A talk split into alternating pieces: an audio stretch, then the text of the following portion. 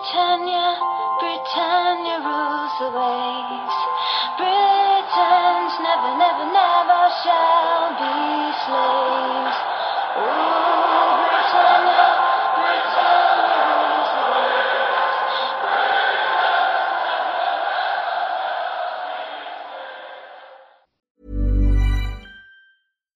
deserves the best, and there's no better place to shop for Mother's Day than Whole Foods Market. They're your destination for unbeatable savings, from premium gifts to show-stopping flowers and irresistible desserts. Start by saving 33% with Prime on all body care and candles. Then get a 15-stem bunch of tulips for just $9.99 each with Prime. Round out Mom's menu with festive rosé, irresistible berry chantilly cake, and more special treats. Come celebrate Mother's Day at Whole Foods Market.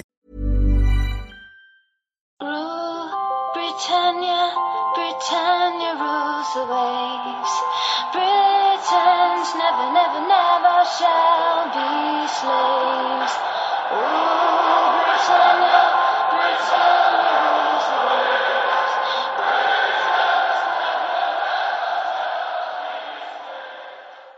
Hej och välkomna till Svenska FPL-podden avsnitt 132. Vi är i landslagsuppehåll och Eh, håller på att förbereda oss inför Game Week 4 och jag kan redan nu avslöja att ett wildcard är draget för mitt eget lag. Och det kommer vi prata mycket om idag. Vi spelar in idag, tisdagen den 7 september och eh, agendan för dagens avsnitt är att vi såklart kommer fortsätta prata lite om eh, den uppkommande poddresan som vi öppnade förra veckan och där bokningarna har börjat trilla in, vilket är jätteroligt. Vi ska även prata om eh, vårt eh, fantasy-event tillsammans med Glenn Sportsbar som är planerat till 16 oktober och eh, idag så släpper vi bokningen för eh, alla er. Vi, vi släppte för Patreons här lite tidigare i förra veckan eh, men nu är det bara fritt fram att boka och det gäller nog att vara rätt snabb på eh, telefonen eller vid datorn för att det här eventet kommer eh, med största sannolikhet bli fullbokat väldigt snabbt. Det har vi sett tidigare. Vi ska ha ett eh, landslagssnack, summera lite, vad vet vi? Det är ju en hel del oklarheter här med, med coviden och eventuella Fifa-sanktioner och uh, rödlistade länder och uh, lite skadekänningar på, på spelare och sådär. Så vi ska gå ner lite snabbt i det innan vi kommer till det här wildcard-snacket som jag redan lite har uppat för. Och där kommer vi gå igenom mina wildcards-tankar men Fredrik kommer även komma med sina eh, synpunkter och förmodligen totalsåga eh, mitt val att ens dra wildcard. eh, vi ska även ha ett kaptensval inför Game Week 4 och eh, tycker det finns ganska mycket att prata kring detta. Avslutningsvis så tar vi era lyssnarfrågor och jag vet att vi i förra avsnittet pratade om att vi skulle göra en statistikdjupdykning. I och med det här dragna wildcardet så lägger vi den mesta tiden där och vi skjuter lite på statistiken till eh, eh nästa landslagsuppehåll som kommer eh, eh efter Game Week 8, nej Game Week 7 va, är det Fredrik? Stämmer bra det. Mm. Eh, då har vi lite mer statistik också. Det har bara gått tre game weeks och kan bli lite snedvridet när man inte har så mycket data. Så att, eh, vi, vi gör valet så i och med att det här wildcardet nu är draget dessutom. Eh, Fredrik, eh, du och jag, vi får fortsätta hålla skeppet flytande här när, när Stefan undviker oss. Ja, vi får ju göra det, men, men eh, jag tror att han laddar för att göra en storstilad comeback här snart. Men eh, tills dess så ska vi ju lotsa er igenom eh, ett draget wildcard. Vad hände där Alex? Ja, vad hände? Ja, jag, jag kommer komma till det. det. det. känns helt rätt faktiskt. Men jag har ju velat, jag, vi har ju skrivit lite till varandra och ett tag så här, ah, nu lutar det 90 procent åt wildcard. När fem minuter kommer det säga, nej nu är det 80 procent att jag sitter kvar. Eh, men ja, mer snack om det lite senare. Vi, vi ska börja och prata upp eh, eventet eh, hos Glenn den 16 oktober. Som sagt, bokningarna öppnar nu när det här avsnittet släpps och eh, man, eh, man slår en signal till, till Glenn Sportsbar. Eh, vi kan lägga ut den här infon på vår Facebook-sida och även skapa ett eh, event på, på Facebook där, där ni kan gå in. Men det räcker alltså inte att trycka i att man ska attenda det eventet utan det gäller att höra av sig till Glenn och boka bord. Antingen via telefon eller via deras hemsida. Det kommer att vara, Glenn har ju flera sportbarer i Göteborg. Det här eventet kommer eh, utspela sig på eh, Glenn Sports Bar i Gamlestan. Så se till att, att boka där. Eh, uppge fantasy vid bokningen och sen får ni ju uppge eh, vilken match ni kommer till. Vi kommer vara där hela dagen. Det är ju en eh, kanon eh, lördag. Watford-Liverpool sparkar igång 13.30. Leicester United tror jag kommer vara tv-matchen vid 4 och Brentford-Chelsea 18.30. Eh, vi kommer vara där för alla tre matcherna. Om ni vill komma och hänga med oss hela dagen, gör gärna det. Eh, säg till vid bokningen bara då att eh, ni avser att, att stanna under hela tiden eller vilken match det är ni, ni kommer komma till. Och äh, det, är ju, det kommer bli en riktigt härlig fotbollslördag.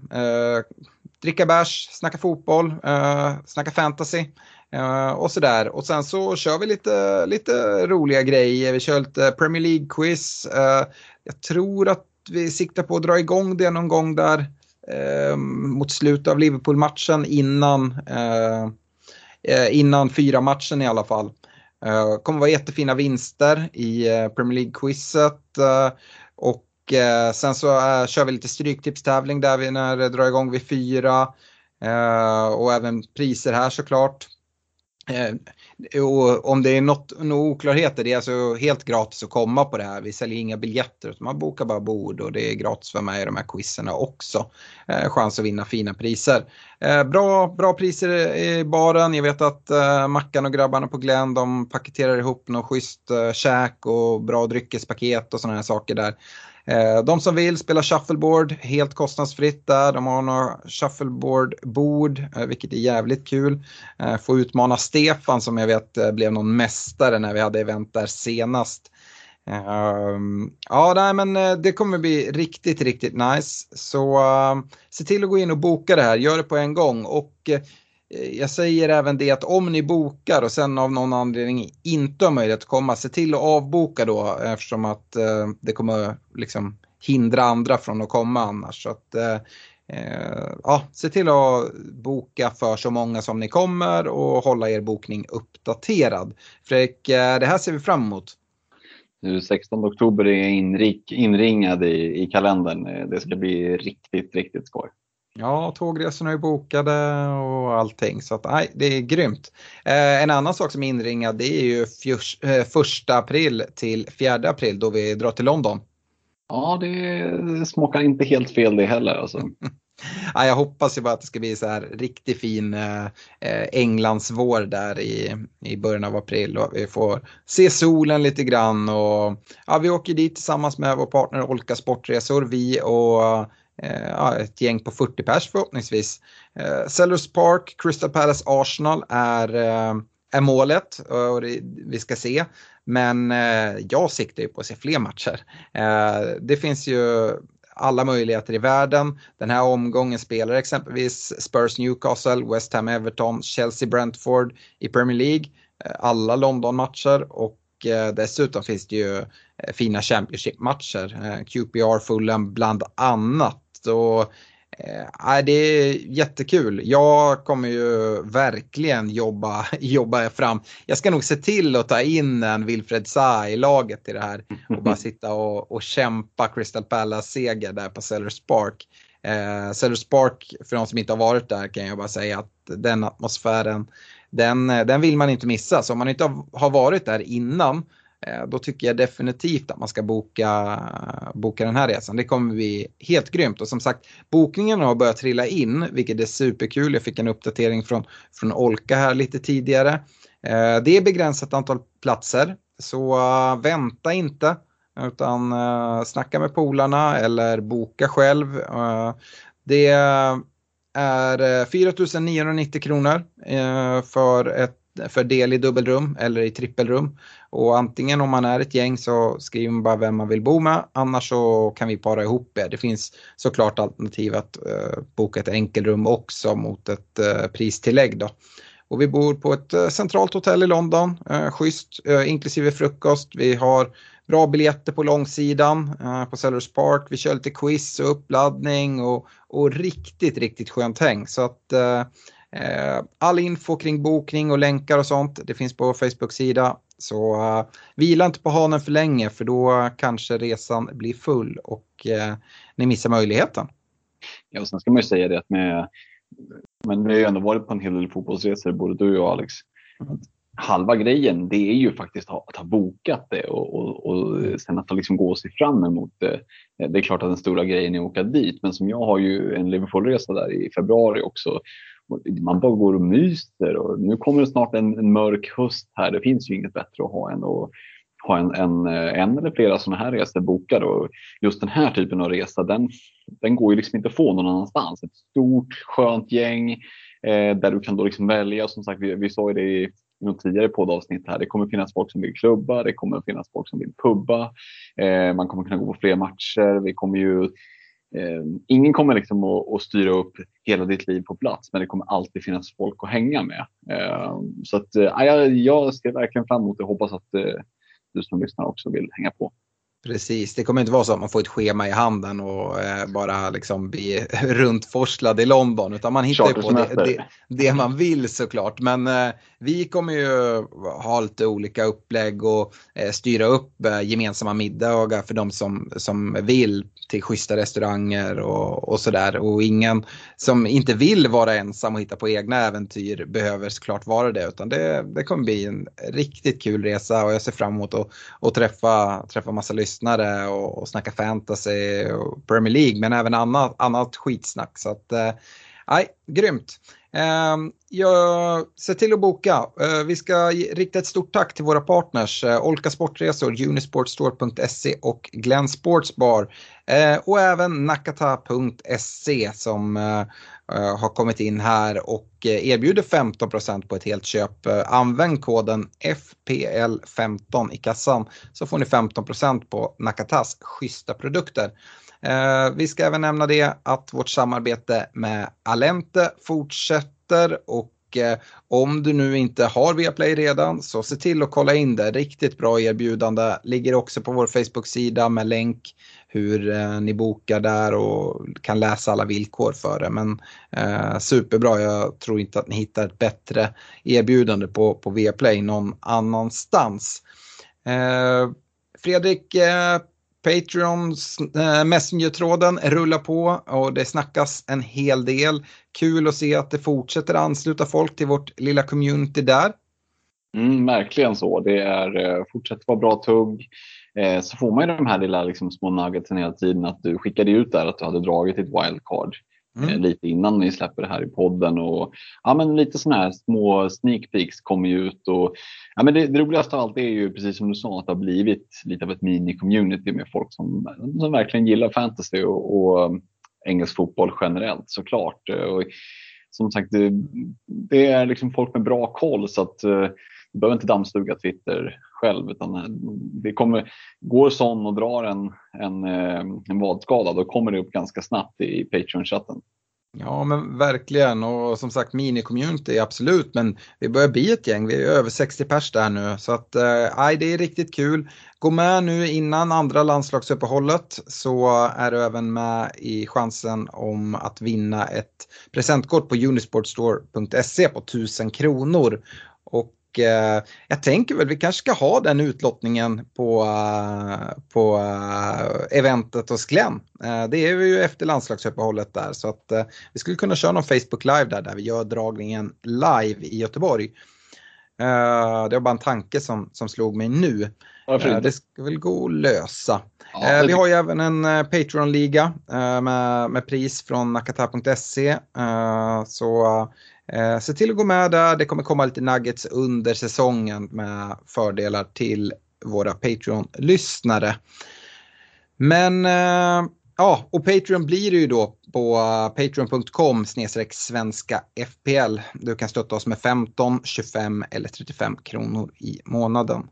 Men eh, Fredrik, nu tycker jag vi hoppar in i landslagssnacket innan vi kommer vidare till det här wildcardet som eh, ändå ligger där och, och tuggar i bakhuvudet hela tiden.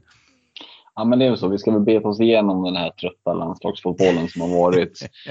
Eh, Uzbekistan och allt vad det har varit för Sveriges del. Men, men eh, ja, jag vet inte. Vad, vad har det fångat ditt öga under, under de här matcherna som har varit?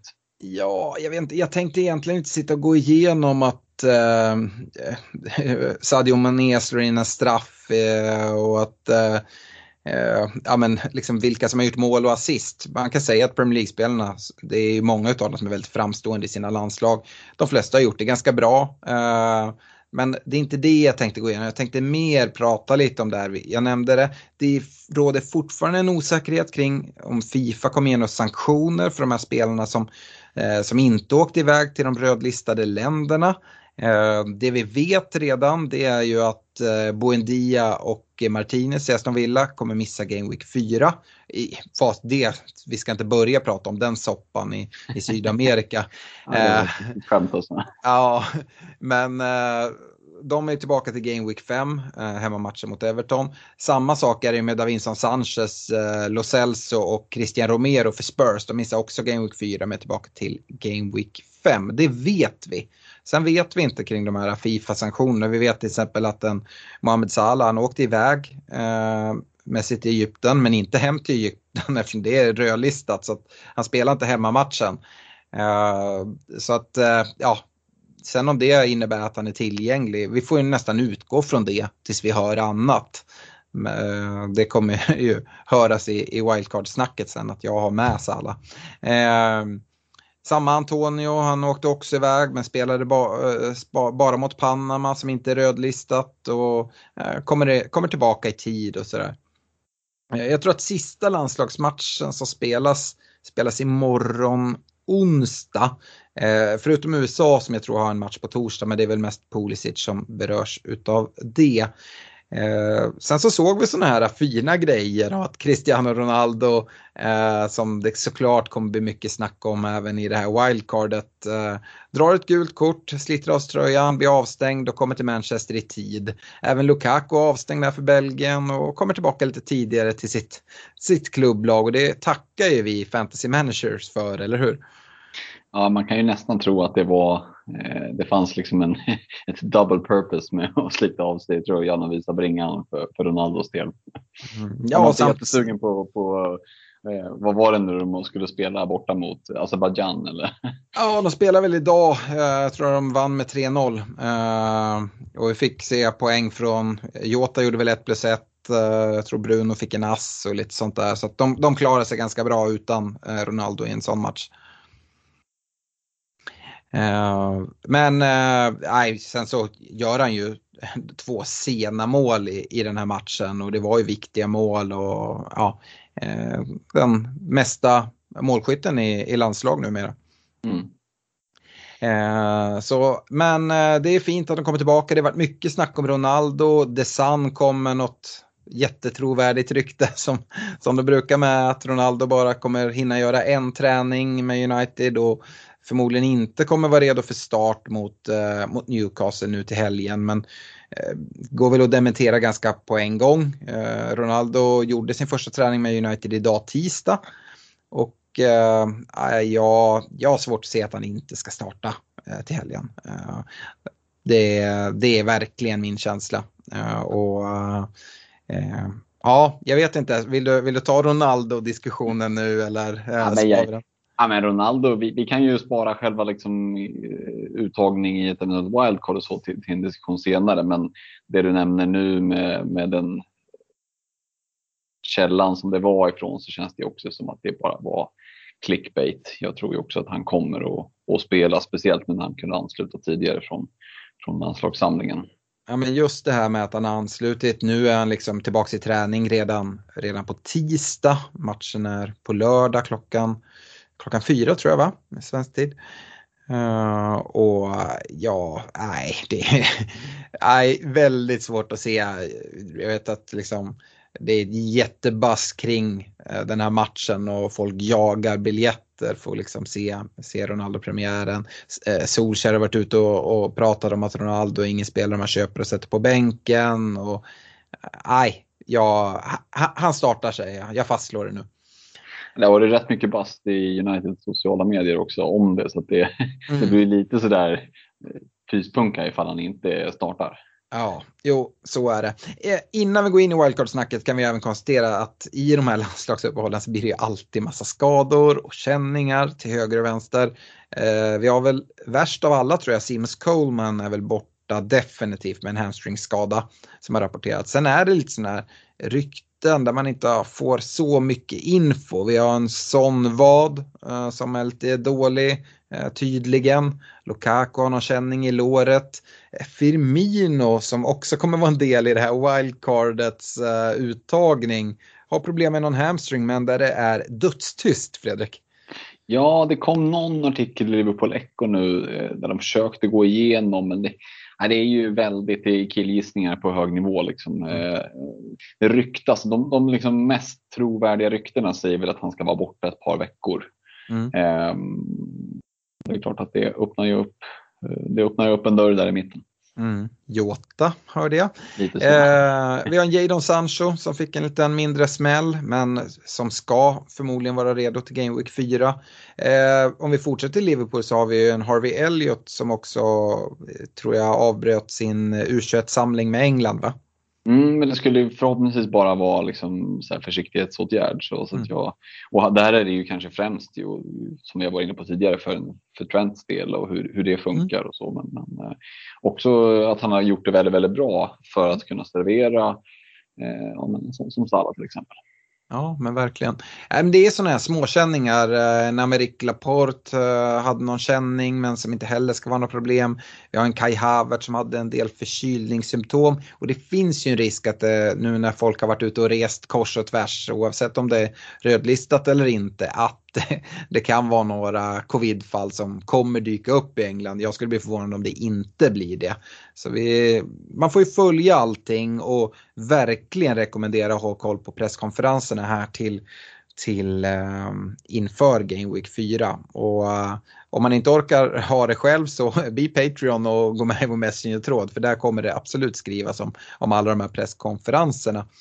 Uh, nu har vi gått runt den här heta gröten ett tag. Jag tycker vi hoppar in i wildcard-tankarna. Vad, vad säger du om det Fredrik? Ah, shoot, shoot, shoot. Eh, och du har inte sett mitt wildcard. Eh, jag har knappt sett det själv, jag drog det eh, tidigare idag. Eh, har ju funderat på det en, en längre tid och vi pratade ju lite eh, kring om det är läge att dra det eller inte i förra podden. Eh, jag har verkligen vankat fram och tillbaka men ja, inför säsong så såg det så tydligt ut att jag skulle dra det till Game Week 7-8 där, där Chelsea fick den här tydliga fixture-swingen. Uh, när transferfönstret stängde och Ronaldo hade kommit så blev det ju allt, allt fler som drog wildcardet direkt bara. Uh, jag har ju fått en väldigt bra start uh, och har absolut egentligen inga panikproblem i mitt bygge. Men Eh, när jag börjar kolla mot alternativet och drar i Game Week 7-8 så jag ser liksom inte riktigt eh, anledningen till att göra det. Jag kommer kunna få ihop det lag jag vill ha då med vanliga byten. Det man egentligen kommer vilja göra, eller de flesta kommer vilja göra, vad jag tror, det är att göra sina United-spelare till Chelsea-spelare då. Eh, I övrigt så är det inga jätteskillnader i, i, i byggena. Eh, och du får max ha tre Chelsea-spelare. Eh, ser du till att ha två fria byten kan du göra en Ronaldo till en Lukaku och en Luke Shaw till en Reece James till exempel. Så har du två Chelsea-spelare och om det helt nödvändigtvis måste få in en tredje precis till den omgången, vilket inte jag tror är supernödvändigt, så kan man säkert ta in Mason Mount på mittfältet mot någon annan.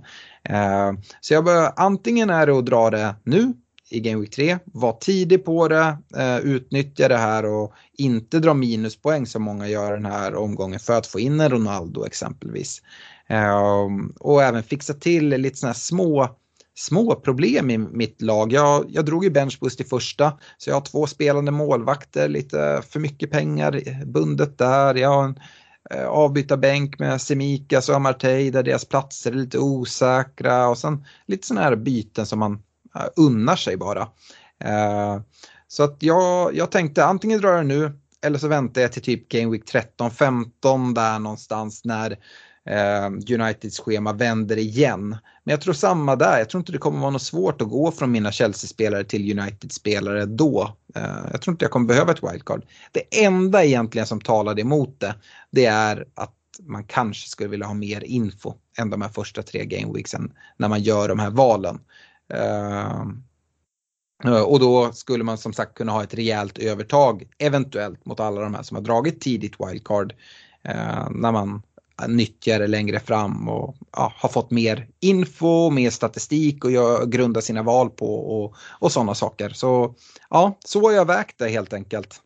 Mm, men det, det, finns ju ändå aspekten om man jämför med med ditt och mitt lag, så jag menar, både du och jag Stefan, vi har ändå hyfsat liksom, template-lag alla tre mm. eh, så här i början. Men just den här aspekten att du ändå drog benchboost i Game Week 1 och som du säger, sitter med två spelande målvakter och eh, några jättebilliga backar. Det är ju liksom lite sådär tungan på vågen kan jag tänka mig utifrån att det, det skadar inte att liksom städa även bänken. Nej, och det, det, det låter ju jättekonstigt att dra ett wildcard för att städa upp sin bänk. Eh, och det kanske det är, det kanske visar sig vara jättemisstag när vi, när vi summerar här lite längre fram. För att jag har inte så mycket problem egentligen i min startelva. Eh, sen så unnar jag mig såklart lite lyxbyten. Eh, kollar jag mitt bygge just nu så en, två, tre, fyra, fem, sex spelare i min startelva eh, är, eh, är helt kvar efter mitt wildcard. Och det skulle kunna vara någon till också om jag inte hade dragit det här bara att det är lyxbyten.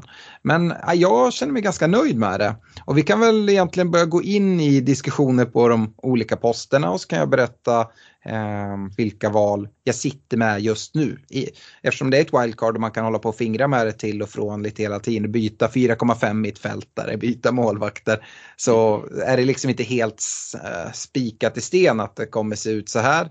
Uh, hugget i sten tror jag man säger till och med. Uh, men uh, ja, det är väl ganska tydligt. Jag tycker fördelen med att dra det nu också det är att kunna pinpointa ett Wolves som har ett fint spelschema nu på en gång. och så, där. så jag ser fler lag som har fixture swings nu än till 7-8 då, då Chelsea får bra matcher. Mm. Målvaktssidan, här är egentligen det jag tycker är svårast i, i wildcard-läget. För vi har så lite info. Eh, jag vill gå billigt med 4,5 målvakt med 4,0 så bara 8,5. Eh, och då satt ju tidigare med både Bashman, eh, eller Backman och Sanchez. Mm. Backman har inte imponerat supermycket. Sanchez, ja, ser väl helt okej okay ut, men jag vet inte riktigt. Eh, Raya i Brentford har gjort det bra, men det är nykomlingar, tre matcher. Jag tycker inte man kan dra så mycket slutsatser. Vi pratade om Pontus Jansson förra veckan, att eh, ja, hold your horses, hoppa inte på där. Eh, visst, Guaita i Crystal Palace, det är en bra målvakt. Där har vi typ 4,5 målvakterna som är aktuella eh, för egen del. Eh, visst, jag lekte med tanken att gå upp på 5,0 där vi har en Kasper Schmeichel i Leicester som jag gillar väldigt mycket. Meslier i Leeds och sen så har vi en Sa i, i Wolverhampton. Men eh, där finns det ju eh, försvarsval i Wolves som eh, jag tycker är liksom lite bättre. Och jag var inte helt säker även trots Wolves fina spelschema och, och dubbla upp där. Så mitt val har gått på att bara sitta kvar med Sanchez eh, från, från Brighton som 4,5 målvakt. Och eh, kasta in eh, hans eh, målvaktskollega Stil på bänken så jag dubblar Brighton-målvakterna. Eh, vad, vad har du att säga om det? Jag vet att du, bruk, du gillar att titta mot 5,0 målvakterna lite. Mm. Ja, men det, jag var lite förvånad där. Jag trodde faktiskt att du skulle välja att kliva på en Messler mm. eh, med Leeds eh, fina liksom, spelschema. Alternativt då eh, den som jag nog hade gått på om jag hade dragit mitt wildcard nu. Jag hade nog gått på en Sa eh, i mm. Wolves. Mm. men det är för att jag inte är riktigt lika såld på, på försvararna. Det är lite sådär, ytterbackarna är, är lite orolig för eventuell rotation. Mm. Um, och mittbackarna är jag inte superintresserad av så. Så att uh, jag hade valt, jag hade gått, jag hade, jag hade verkligen, verkligen liksom uh, känt för att gå på Messler men jag hade förmodligen landat i en Sa. Mm. Eh, gällande Leeds fina spelschema, absolut. Jag tar noll hänseende till spelschema sett till mitt målvaktsval eftersom att jag endast kommer göra målvaktsval vid nästa wildcard och det kommer vara väldigt långt fram. Eh, så att, av den anledningen spelar det ingen roll. Den målvakt jag förmodligen hade plockat in om jag hade gått på 5,0 hade varit en Kasper Schmeichel. Eh, tycker de har ganska bra spelschema. Eh, möter ju City nu till Game Week 4 så att man mm. wildcardar in honom till den matchen. Det är chans till, till räddningspoäng kan man ju säga. Eh, nej men det är en väldigt duktig målvakt som jag håller högt. Så det, det var ganska nära. Mm. men jag sparar in pengarna där och ja, men gillar, gillar ändå Brighton och Potters liksom, försvarstänk och tror att det kan bli någon nolla här. Det blir en del skott och lite räddningspoäng. Eh, så absolut, men jag är ju helt, helt såld på en Nelson Semedo eh, i Wolverhampton. Som har sjunkit i pris, kostar 4,9. Eh, jag tror inte att han kommer rotera speciellt mycket. Eh, även om du är rädd för viss rotation i Wolves. Um, känner mig inte helt bekväm ändå att dubbla Wolves-försvaret. Um, så ja, uh, ja, därför egentligen så, så blev det den här att spara in pengar för jag behöver dem för resten av laget. Ja, men jag förstår och jag sitter själv på Sanchez i mitt bygge så att jag har mm. svårt att klaga på valet. Om du skulle dra ett wildcard nu och eh, gå på samma linje som mig och gå på 4,5 målvakt, eh, hade du lockats någonting av att gå på något av de andra alternativen eller hade du suttit kvar med, med Sanchez? Nej, då hade jag nog suttit på, på Sanchez faktiskt. Mm. Det Yes, uh, i försvarslinjen så har jag inte gjort så mycket ändringar. Uh, då kan man väl säga att uh, om vi kollar, nu håller jag på att fingra lite här på datorn samtidigt. jag hade ju Sofal, Trent och Shaw som mina spelande försvarare och sen Amartey och Semikas innan. Trent och Shaw är kvar. jag jag pratade väldigt mycket om det förra veckan. Jag ser inte att man offrar Trent, eller jag gör i alla fall inte det. Många som lockas av de pengarna. Eh, Men Liverpools fina spelschema och så fint som Trent har sett ut. Han kommer vara i mitt bygge, törs jag nästan lova, eh, så länge han är, frisk. Eh, Luke Shaw, jag gillar att Ronaldo har kommit. Borde innebära ett bättre huvudspel och Shaw kan om United nu ska spela på Ronaldos styrka, styrkor så ska, ska det komma mycket inspel. Och både på fasta situationer som Shaw tar hand om utifrån kanten, både hörnor och frisparkar och i öppet spel så bör Shaw kunna hitta Ronaldo någon gång och öka, öka chansen för, för assist. Eh, ser även Shaw som en jättebra väg till en Reece James som jag verkligen gillar här när spelschemat vänder. Eh, Sen så, så fall, jag älskar ju honom, men vinkar ändå hej då sett till att Europaspelet snart börjar och jag har redan pratat mig så varm om Nelson Semedo i Wolves och deras eh, underbara spelschema. Eh, så han kommer in och tar Sofalls plats eh, och mina eh, 4,0 försvarare sedan tidigare i Semikas och Amartey eh, får ge, ge plats för Livramento, Issa 15 och en Luke Ailing i Leeds. Så då är Ailing då tänkt som en eh, spelare som ska kunna sitta först på bänken och kanske till och med starta några matcher då jag känner att jag, jag behöver gå in med en fyrbackslinje eller sådär. Mm. Ja men det är ju intressanta val. Eh, och jag köper väl ja, men, mer eller mindre liksom resonemanget kring alla. Men det är ju bara fem platser och det är klart det finns ju ett par andra namn. Ja, det gör det saknar där också såklart. Eh, eller saknar, men, men som jag själv satt och laborerade lite med när man på skoj, som man alltid gör med. Mm. När man sitter och, och laborerar med en backlinje och sådär. Men jag kan ju förstå att man vill gå lite lättare än vad till exempel jag gjorde från början. I att man inte lastar så tungt. För nu börjar det ju utkristallisera sig längre fram eh, var man behöver lasta in stålarna. Och då ska man ha Trent, ja, då blir det inte så mycket pengar över till, till övriga backar. Nej, för mig, för mig kändes 3-4-3 uppställningen ganska självklar. Jag tycker att på forwardsidan så, så har vi fått så många fina alternativ i midprice-segmentet. Och vi har även eh, rätt okej okay alternativ på femte mittfältare för 4,5 jämfört med anfallarna uh, i, i, samma pris. Om man nu ska gå på en, en, en 3-5-2 till exempel. Um, och, uh, jag ser andra spelare eh, i försvaret väldigt intressanta. En eh, Tierney i Arsenal, eh, 4,9. Eh, också jättebra. Fint spelschema hela vägen fram till Game Week 12. Han hade gärna fått komma in. Eh, men jag håller Semedo högre.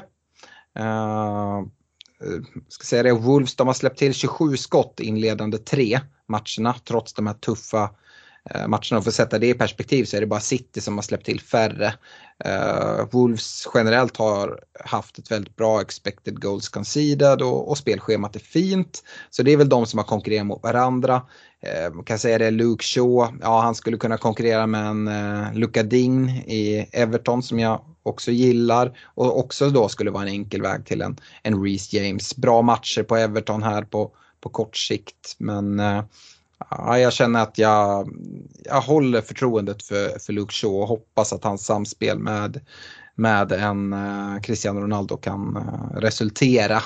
Uh, sen så vet jag, jag har ingen City-försvarare. Eh, jag är ingen Spurs-försvarare, men Reguljon är väl den som jag egentligen hade lockats av. Men det är 5,1. Det är besvärlig prispunkt i den backlinje som, som jag har. Jag som sagt har Semedo där.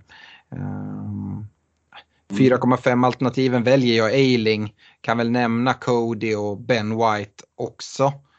Eh, och 4,0 alternativet, jag väljer att gå på en spelare. Hade jag jag hade kunnat gjort en Ailing till en Brandon Williams i Norwich till exempel som, som jag ändå tror ganska mycket på.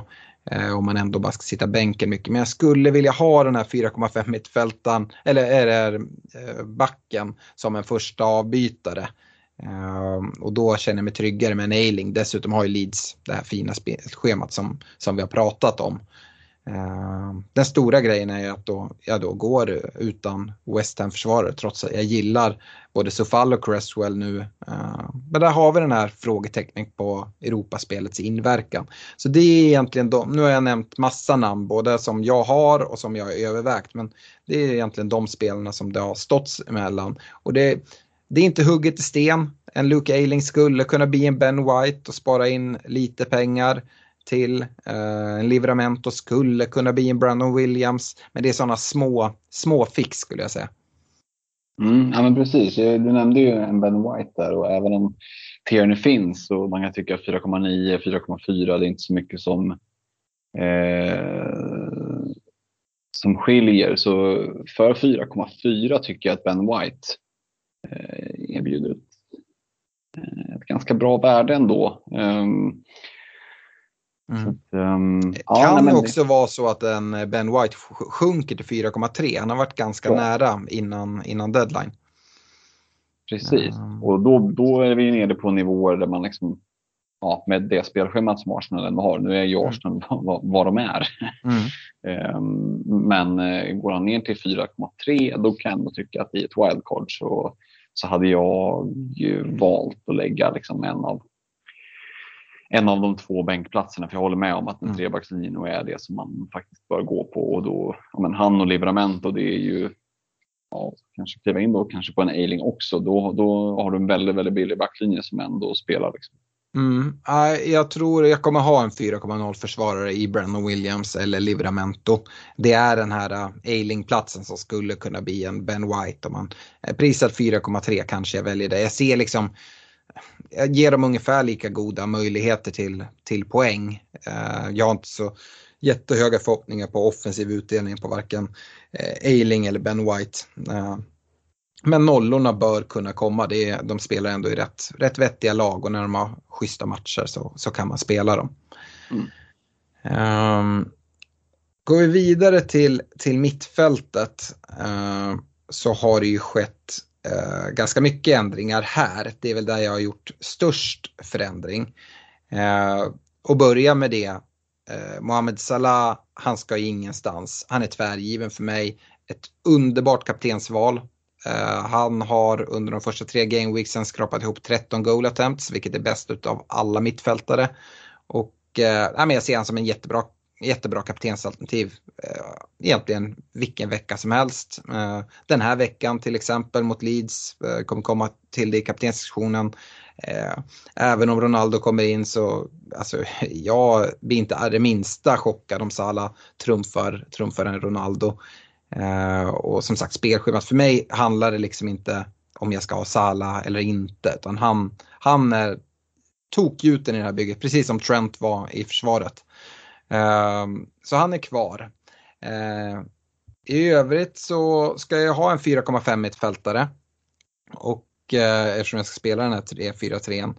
Ehm, och där har jag inte riktigt bestämt mig. Valet står väl framförallt eh, på Gilmore i Norwich eller en Cissoko i Watford eh, för egen del. Jag vet att det har pratats lite om en Allan i Everton också men jag gillar Gilmore och eh, Cissoko mer. Eh, just nu är Gilmore där eh, men jag vet inte varför han är där, för jag lutar nog kanske lite mer mot Cissoko och Watford. Eh, eh, jag har även gått på en väldigt ja, men, omdiskuterad spelare i en Traoré i Wolves. Jag vill ha mer offensiv vägning mot Wolves fina spelschema här och, och går då på en chansning och hoppas att han ska, ska han ska få utdelning. Uh, han har ju allt annat. Ja, men jag, jag, jag har känt det att uh, det kommer komma en game week här då det bara helt plötsligt uh, rinner hans väg. Och då kan det, vi prata liksom 20 poäng. Ehm, och varför inte nu när liksom spelschemat vänder, och kommer liksom, ja, Watford nu till Game Week 4 men även sen framåt att det skulle kunna komma här. Um, jag har dubblat upp uh, i Liverpool. Eh, uh, med en Jota in. Vi pratade om Firmino uh, som är, verkar vara borta i alla fall. Och det är också en anledning till det här wildcardet, en stor anledning. Jag var låst med mina tre Liverpool-spelare när jag satt med Semikas. Annars det många har gjort för att få in Ronaldo är ju att tagit en minus fyra, ta ut eh, Bruno på mitten, ta in exempelvis Jota Eh, och sen så eh, in med Ronaldo på en av anfallspositionerna. Eh, den möjligheten hade inte jag. Jag vill verkligen gå för Jota. Man kan gå på andra spelare i den kategorin och prata med den priskategorin. Ja, men då är det framförallt det som snackas om bland många en Greenwood eller en Ferran Torres i, eh, i Manchester City. Av dem så tycker jag Jota sticker ut. Eh, kanske inte på eh, superlång sikt. Men på ganska kort sikt här fram till nästa landslagsuppehåll, absolut. Och sen kan Jota bli en, eh, ja varför inte en Mason Mount exempelvis. Eh, men eh, jag vill eh, attackera Liverpool här och då går jag Jota Sala dubbelt framåt. Och nästan som man kan säga tre offensiva Liverpool-spelare för Trent eh, räknar jag som en mittfältare. Och sen så går jag på Rafinha i Leeds med deras fina spelschema. Mm. Föga förvånande avslutning. Jag hade redan skrivit ner det innan du sa det. Mm. Eh, och då kan man ju säga så här, eh, Ben Rama som har gjort att min fina start har blivit så här fin, ja, han är borta nu. Ja, eh, hade jag inte dragit wildcard så hade Ben Rama med största sannolikhet varit kvar. Tycker att West Ham har ganska bra spelschema. Han har ju gjort det jättebra, det finns ingen anledning att egentligen byta ut. Ehm, men eh, han får ändå, ändå vinka sig då. Jag vet inte. Det kanske kommer bita mig i arslet. Ja, samtidigt det finns bara fyra platser. Ska du spela eh, med en 4-5 på mittfältet så finns det ju bara fyra platser. Så alla given på en av dem. Mm. Eh, jag förstår ju liksom Jota-tänket. Det är ju utifrån de ryktena vi får från Firmino att han inte spelar. Men då är ju Jota som striker i Liverpool för 7,6 eller vad han kostar. Mm. Eh, ja, och, ja, det är ju egentligen liksom Traoré-spotten för jag tycker Rafinha är ganska självskriven också. Vi pratade mycket om honom inför säsongen och så hade de en liten tuff inledning här och nu är det Liverpool i omgång fyra men sen kommer det ju en radda med fina matcher för Leeds. Mm. Eh, förra veckan pratade jag om det att eh, jag kommer gå på den taktiken att jag kommer byta en del premiumspelare fram och tillbaka när, när jag tycker att det krävs. Och det uh, gör att jag vill ha set and forget-spelare. Alltså sådana som jag tar in nu och sen får de vara där i bygget liksom, till nästa wildcard. Rafinha är en sån spelare för mig. Uh, visst, de har Liverpool den här veckan. Uh, och det är väl lite så oklart som sagt, han skulle ju kunna vara en sån spelare som drabbas av en sån här sanktion och missar Game Week 4. Då får jag väl ta, eh, ta ställning där om jag tar in eh, en, en spelare på kort sikt. Samtidigt, jag gillar inte att dra ett wildcard och ha ett planerat byte för jag kommer vilja ha in honom sen till Game Week 5 då. Eh, så ja, det, är, det är lite, lite mäckigt. Eh, jag tror att jag bara väljer att sitta där. Men eh, vet jag att han definitivt är out i Game Week 4 så kanske den platsen kan, kan ändras. Vi, vi får se lite. Jag nämnde lite andra spelare där i, i Ferran Torres och, och en Mason Greenwood. Och eh, börjar vi med en eh, Greenwood så Ja, men jag, jag gillar verkligen Greenwood och vi har fortsatt en eh, McTominay borta. Sitter man med honom tycker man sitter kvar.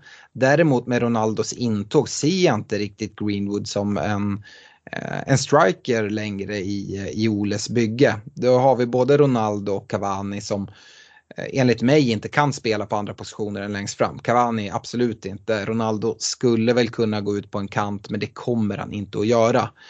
Uh, och då har vi två stycken forwards som kan rotera där. Uh, Greenwood kan såklart spela, uh, få några inhopp och vi kanske spelar med två forwards där framme. Men han gör det bra utifrån kanten, det har vi sett nu. och nej, han, han skulle jag absolut kunna tänka mig ha. Det finns inte mm. plats att ha både han och Jota. Så då måste jag ställa dem mot varandra. Då är jag hellre Jota. Um, men det är också en så här ganska Jota, Greenwood, Torres-platsen. Det hade varit en kortsiktig uh, pant oavsett vem jag hade tagit. Jag tror att Greenwood kommer Eh, får mindre och mindre speltid. Även fast det förmodligen kommer bli ganska mycket. Jag tror han och Jota är i ganska samma position. Eh, Ferran Torres kan jag också se som ett bra alternativ. Eh, men också kanske på kort sikt för vi ska ha tillbaka en Kevin De Bruyne och en eh, Phil Foden. Och då får vi se om den där falska nian, vem som ska ha den. Eh, jag går ju helt utan City här. Ja, svårt att säga men jag gör det nu ett tag till.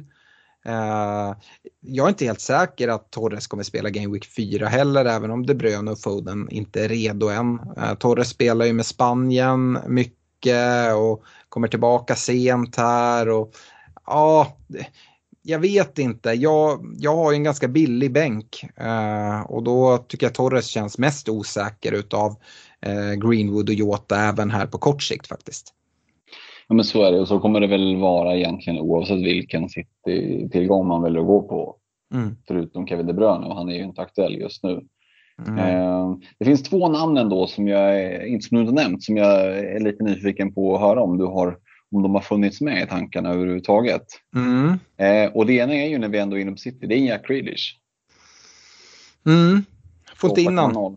Nej, det, det, är ju en knepig priskategori, jag förstår ju det och speciellt då om man kan få Jota för, för liksom ett par tiondelar av ett han, eh, han, är inte alls bortglömd i mina tankar. Han ligger på min watchlist.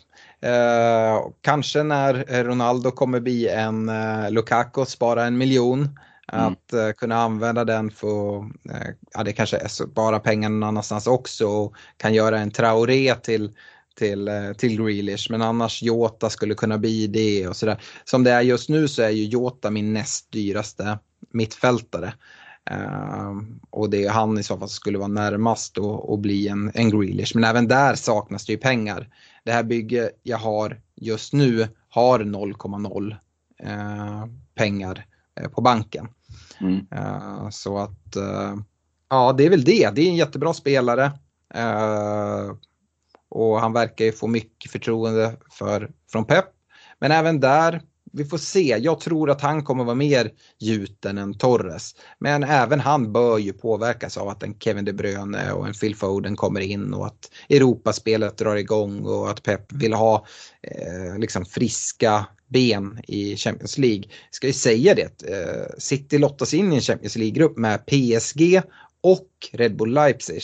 Eh, Klubb Brygge får be, be om ursäkt här.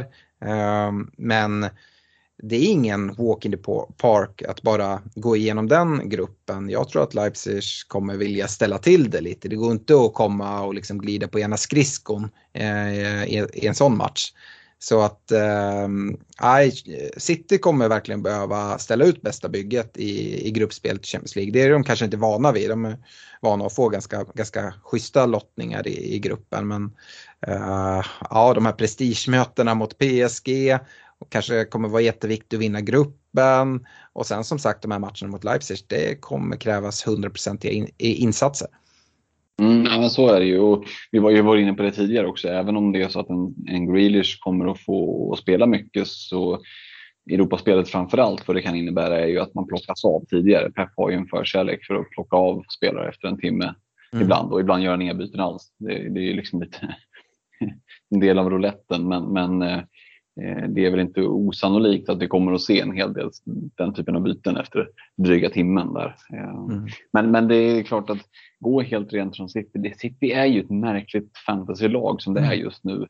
Det är, det är det bästa laget i ligan och ändå finns det liksom inga tydliga ja, must-haves eller ens want-haves eh, eh, när De Bruyne är skadad. Och även om De Bruyne hade varit hel Ja. ja, det är ju tvek om man, om man får in honom liksom i, ja. bygget. Ja, nej men det är så jag egentligen resonerar och det, det blir Jack Grealish eh, som är svårt. Det är snarare de här billiga spelarna, det är många jag övervägt där. Eh, mm. Jag har inte pratat Everton-grabbarna i Gray och Ducoré någonting. Och det är spelare som jag skulle kunna välja att ha med istället för en eh, Traoré Wolves till exempel. Eftersom att båda är billiga. Skulle dessutom spara pengar och kanske kunna nyttja de pengarna, stärka upp ett försvar ännu mer eller ja, hur jag, hur jag ändå tänker där. Men äh, jag tycker jag egentligen inte prata emot Gray eller Ducoré något. Jag pratar snarare för att jag vill gå på Wolves offensiv. Jag vill inte bara sitta med en Nelson Semedo från, från Wolves nu när deras fina spelschema kommer. Och det är här jag kanske tänker att man sticker ut lite mot de som tar minuspoäng. Att dubbla upp Wolves snarare än att uh, bara ha en spelare eller ingen. Uh, så jag vet inte om eh, det var något av Everton-grabbarna som du också saknade en, något resonemang kring. Ja, men inte primärt Everton-gubbarna, även om de förtjänar omnämnanden. Och där finns det ju liksom verkligen pengar att spara om man, om man behöver pengar för att kliva upp på en, på en Gradish. Men det jag tänkte, var, tänkte på var en Ismail Azar som vi har Eh, snuddat vid i tidigare avsnitt och nu, nu kliver ju Watford in på ett riktigt fint spelschema. Ja, absolut. Och han är ju också en sån spelare som kan blandas in där för att liksom Traoré-prisklassen. Eh, eller även Rafinha om man nu vill, vill gå där. Och det är ju också en sån spelare som egentligen går att se som en set and forget som jag pratat så gott om, om Rafinha. Eh, och du vet att jag gillar Sar. Eh, men eh, jag vet inte, det blir ju liksom, man ska välja någonstans. Rafinha, han tar jag inte bort. Traoré, absolut, innan lördag, det skulle kunna ha blivit Sarr. Eh, jag gillar uppsidan på Traoré, jag tycker att hans tak är liksom, det finns typ inte. Däremot så är han ju ofta nere i källan poängmässigt. Eh, och Sarr kanske ja. en sån där spelare som chippar in med poäng lite, ja, lite här och där. Ja, men just utifrån resonemanget jag hade med att sätta en forget-spelare på andra positioner förutom premium så tänker jag att där mm. är ju Ismail Azar en sån talisman att sätta in. Han kommer ju att spela typ varje match för, för mm. Watford också. Ja, och, eh. och Traoré kan ju vara en sån här spelare. Det går fem matcher efter mitt wildcard. Vi är där och så har han fortfarande inte fått mer än två poäng. Eh, och jag skulle inte vara förvånad över det. eh, jag tror inte att Sar liksom går fem game weeks och blankar. Ehm, det har jag svårt att se. Traoré, ja det kan absolut hända. Å andra sidan kan jag också se att Traoré helt plötsligt bara, bara släpper det och det flyger. Mm. Och det här har man ju sagt många gånger. Men jag är beredd att göra den chansningen mm. som det känns just nu. Men Eh, Traoré skulle kunna bli en, en sarr också. Eh, det är ju bara ett rakt byte innan lördag här. Det som ska nämnas med båda dem egentligen är ju att de går ju som super differential så det kanske man inte får intrycket av om man hänger mycket på, på FPL-communityt på kanske Twitter framförallt att ja men Sar och Traoré, det surras mycket kring det. Ismail Assar har vid inspelande stund en TSB på 4,6 procent. Mm. Och med Traoré, det är, du får ju scrolla till halva ner liksom på sidan 2, 2,7 procent. Mm. Så jag brukar ju tjata om att de poängen är mycket värda men här kan jag säga liksom med gott samvete att sitter du Traoré och du får, han flyger och liksom sätter två lägen, vilket ju inte, två lägen kommer han ju skapa minst. Mm. Ehm, då, då kan ju det vara guld värt. Sen, sen ska ju det ske också men jag skulle ju ljuga om jag sa att jag inte hade spanat lite mot Traoré också med tanke på spelschemat. Ja, och jag vet att det är jättemånga som sitter där ute och har bränt sig på Traoré tidigare säsonger och plockat in honom och därför bara har någon så här FPL-regel att ah, Traoré kommer aldrig mer in i mitt bygge. Och jag förstår det.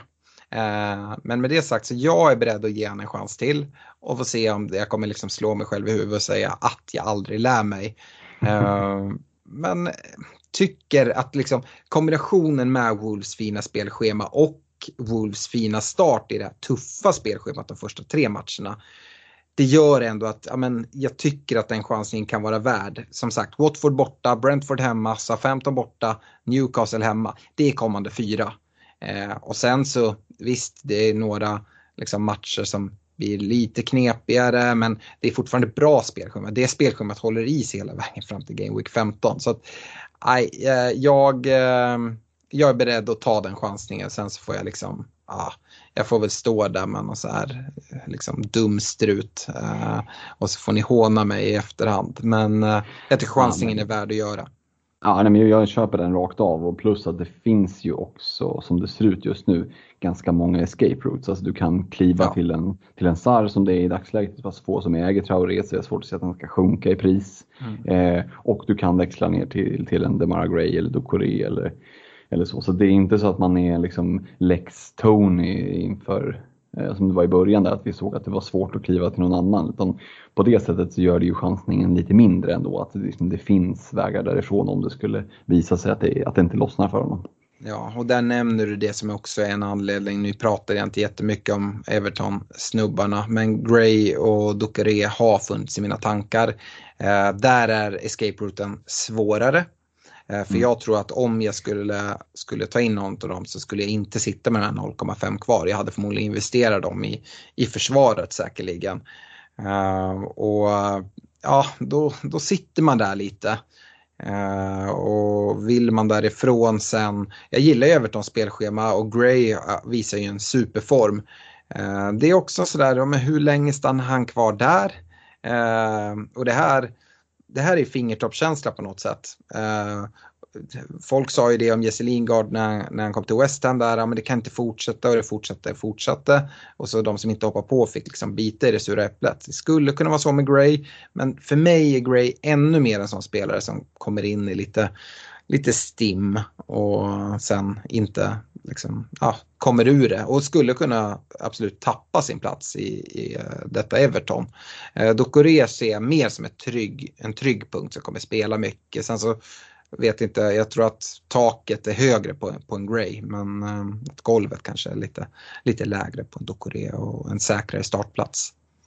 Ja, och de är ju så pass låga TSB än så ja. länge så flyger de då är det, bara, det är bara hatten av till dem som har valt att kliva in där men det är inte, det är mm. inte liksom Lex Gündogan förra säsongen att du blir slaktad utan det, det du, du överlever även liksom en Hall of Gray fast du inte sitter på honom. Liksom. Mm. Forwardsidan, ska vi gå vidare mm. dit?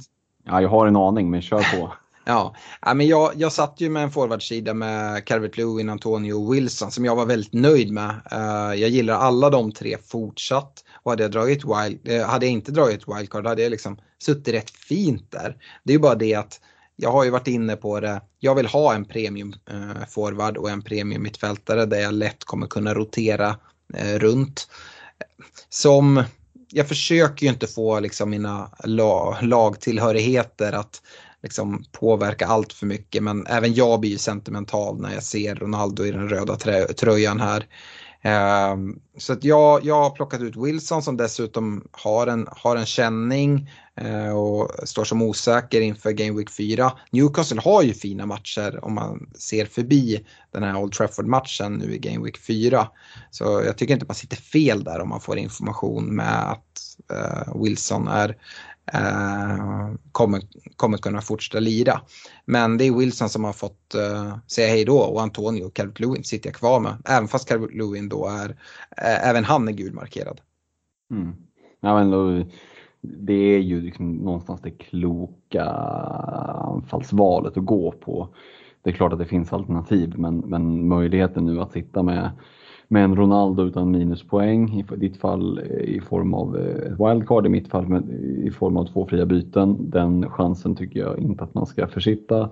Och jag menar, Calvert Lewin och Antonio har ju varit de två hetaste anfallarna eh, som det har sett ut och de har ju fortsatt bra spelscheman. Så det, det är ju lite av en no-brainer och här gäller det ju inte att tänka för mycket och börja, liksom börja vända ut in på sig själv. Och det, det är lätt att kika mot en Jiménez eller en kanske kliva ner på en 3-5-2 med någon Dennis eller något. Men jag tycker att det här liksom är det kloka anfallet att gå på i, i ett wildcard. Ja, alltså som sagt 3-4-3. Jag tycker att det är självklart. Jag gillar verkligen de här anfallsalternativen. Du nämner Jiménez. Han kan absolut komma in här. Eh, men eh, just nu så håller jag ju Calvert Lewin och Antonio före honom. Eh, men det är också så här, skulle Calvert Lewin eh, dra på sig något. Skulle Antonio dra en skada i, nu när Europaspelet kommer igång, ja men då skulle Jiménez lätt kunna gå in där och liksom ta en sån plats. Eh, jag skulle även vilja, vilja nämna Wilson som, eh, som absolut kan ta en av Calvert Lewin eller Antonios platser om någon skulle skada sig eller sådär. Eh, alternativen finns verkligen, där en Patrick Bamford i Leeds ska också nämnas. Så att där mm. finns alternativen hur mycket som helst. Men att ha tre anfallare för mig, det var liksom aldrig ens en diskussion. Jag jämför liksom men ska man gå så tungt och behöva investera mycket pengar då kommer man behöva de här möjliggörarna. Och som sagt, vi har, vi har sagt det många gånger, 4,5 anfallare, nej, det finns ingen. Det är någon som ska sitta längst ut på bänken. 4,5 mittfältarna, ja, men vi pratar om Gilmore, Allan, eh, Bissouma, eh, mm. vi har en Cissoko. De här, de här startar ja. vecka efter vecka vecka efter vecka. Eh, att de, de behöver inte ens ha liksom, som sist på bänken. De kan sitta på första eller andra plats också. Och man kan känna sig ganska trygg med. Eh, jag tycker att 3-4-3 eh, eh är liksom den mest självklara uppställningen nu. Eh, det är vissa som går på fyr, fyrbackslinje också. Mm, det kan man göra. Jag har ju en Ailing eh, som jag tycker är ett bra alternativ eller som kanske blir en Ben White. Då. Vi, det, vi får se. Eh, så att, I vissa gånger kanske jag spelar en fyrbackslinje men jag tror att det kommer vara väldigt sällan. Ja, nej men det utifrån hur det har utkristalliserat sig så, så är det ju framförallt anfallssidan. Man hade ju kunnat fyllt upp fem anfallare. Mm. Eh, och jag tycker väl personligen så att jag tycker det är svårt att, och, du, du kanske inte alls har med, och brutalsåga det här wildcard. Men enligt mig är det här ett ganska template wildcard. Eh, och jag är ju en ganska tråkig människa. Jag är ganska rolig just nu genom att jag håller på att dra chips i Game Week 1 och dra ett wildcard här i Game Week 3 trots den fina starten. Eh, men jag är ganska tråkig i mina val, eller försiktig. Eh, det är den människa jag är. Ja, så att eh, visst, det går att göra jätteroliga wildcardslag där som sticker ut enormt, både från de som inte drar wildcard och andra som drar wildcards. Men ett template-lag är ju ett template av en anledning. Eh, och det är heller liksom, ja men du var inne på det med liksom ägarandel på Traoré och uh, vissa sådana spelare, det är inte spelare som ägs av 50% Sen så är det den här frågan, uh, liksom på premiumspelare. Vissa trycker in tre och går riktigt billigt. Jag, jag gillar inte det lag jag får ihop med, med tre eh, premiumspelare. Eh, så eh, jag har sett tre premiumalternativ plus Trent och då är det ännu sämre eh, lag i övrigt. Jag har sett eh, tre premiumspelare och utan Trent och det gillar jag inte heller. Så att, ja, för mig är det, det är två premium som gäller i, just i detta nu.